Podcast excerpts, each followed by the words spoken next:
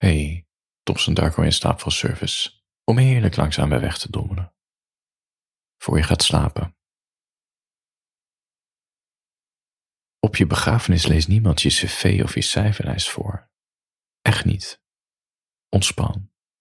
Niemand zal je erom herinneren.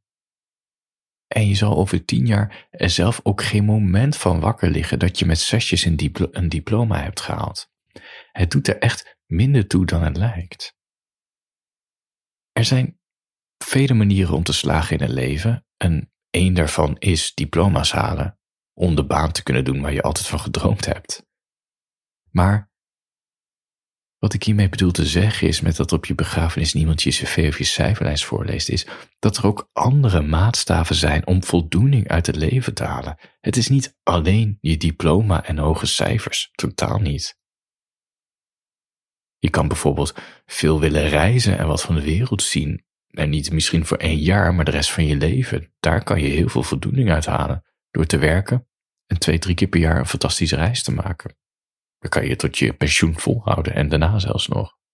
Je kan de ambitie hebben om een eigen bedrijf te starten. Daar heb je niet per se een diploma nodig. Je hebt vooral ervaring in een bepaalde branche nodig, of, of je gaat er gewoon voor zonder ervaring.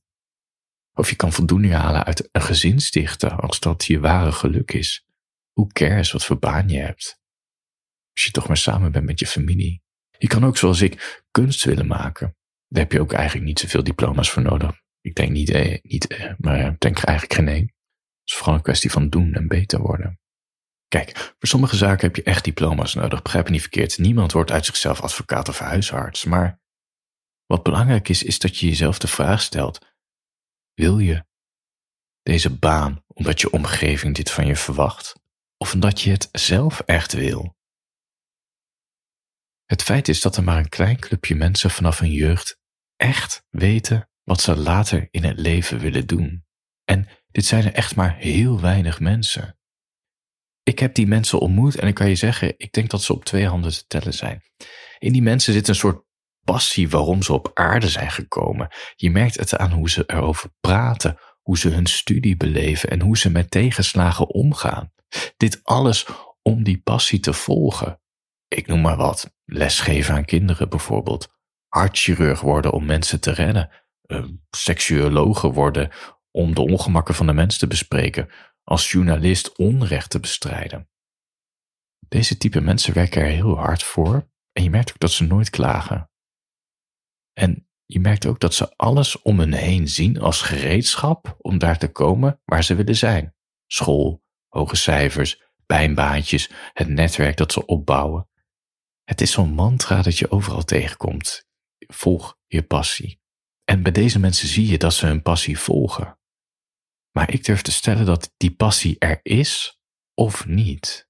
En daarom klopt die zin volg je passie niet, want voor een groot deel van de mensen is die passie gewoon afwezig. In ieder geval, die passie is niet aanwezig in een nastreven van een carrière waar je hoge cijfers voor nodig hebt, bla bla bla. Passieloos leven is ook leven. En dat is oké. Ik heb tijdens mijn kantoorcarrière, ik denk wel honderden mensen ontmoet van alle leeftijden. En het viel me altijd op in de gesprekken die ik met ze had, dat de baan die ze nu met plezier deden, of niet, totaal niet in lijn was met de studie die ze ooit hadden gedaan. Wat ik wil zeggen is, we rommelen allemaal maar wat aan dit leven en dat is allemaal oké. Sommigen vinden tijdens hun leven alsnog een passie, anderen komen er nooit achter. Het gaat niet zozeer om die hoge cijfers, het doet er echt minder toe dan je denkt. Misschien heb je vele levensjaren nodig om dit te beseffen, of misschien besef je dit al lang. Maar een leven draait uiteindelijk om de relatie die je hebt met de mensen om je heen. Althans, dat is wat ze op je begrafenis zullen herinneren. Daar zullen ze het over hebben. En al die andere dingen, ja, je cijferlijst, je salaris, je passie, je fantastische lichaam voor op het strand. Het doet er niet toe. En ik zal je nog eens wat sterkers vertellen. Jouw eigen begrafenis gaat niet om jou. Je begrafenis gaat om de achterblijvers. Zij eren de relatie die ze met jou hadden. Dat is waar die dienst van een uurtje over gaat. Dus ontspan. Het doet er allemaal echt minder toe dan je denkt. Ik zeg niet doe minder. Ik zeg niet doe niet je best. Ik zeg gewoon doe niet zo overdreven je best. En wees niet zo overdreven onzeker, want ontspan. Het doet er echt minder toe dan je denkt. Rommel lekker je hele leven wat aan. Vind je passie of niet? Uiteindelijk gaat het niet per se. Nou ja, laat ik het anders stellen. Ik zat een tekst te lezen van Seneca en hij zei: Je kan pas leven als je de moed hebt om te sterven. Je kan pas leven als je de moed hebt om te sterven.